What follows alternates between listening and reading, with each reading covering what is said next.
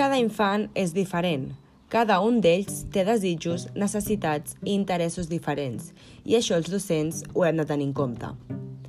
Ens hem d'adaptar a les necessitats de cada un i entendre que no hem d'ensenyar igual a tots els alumnes ni que ells ens entendran a nosaltres de la mateixa manera. Hem de tenir present que a vegades les coses no sortiran com les tenien previstes i que haurem d'adaptar i crear noves estratègies educatives perquè tots els infants tinguin les mateixes possibilitats d'aprenentatge. Un bon exemple seria a l'aula tinc un infant amb retard maduratiu i no està arribant al ritme dels seus companys durant la classe d'avui. Jo, la mestra, decideixo adaptar la seva fitxa per tal que pugui obtenir l'aprenentatge i jo respectar el ritme de cada un dels meus alumnes.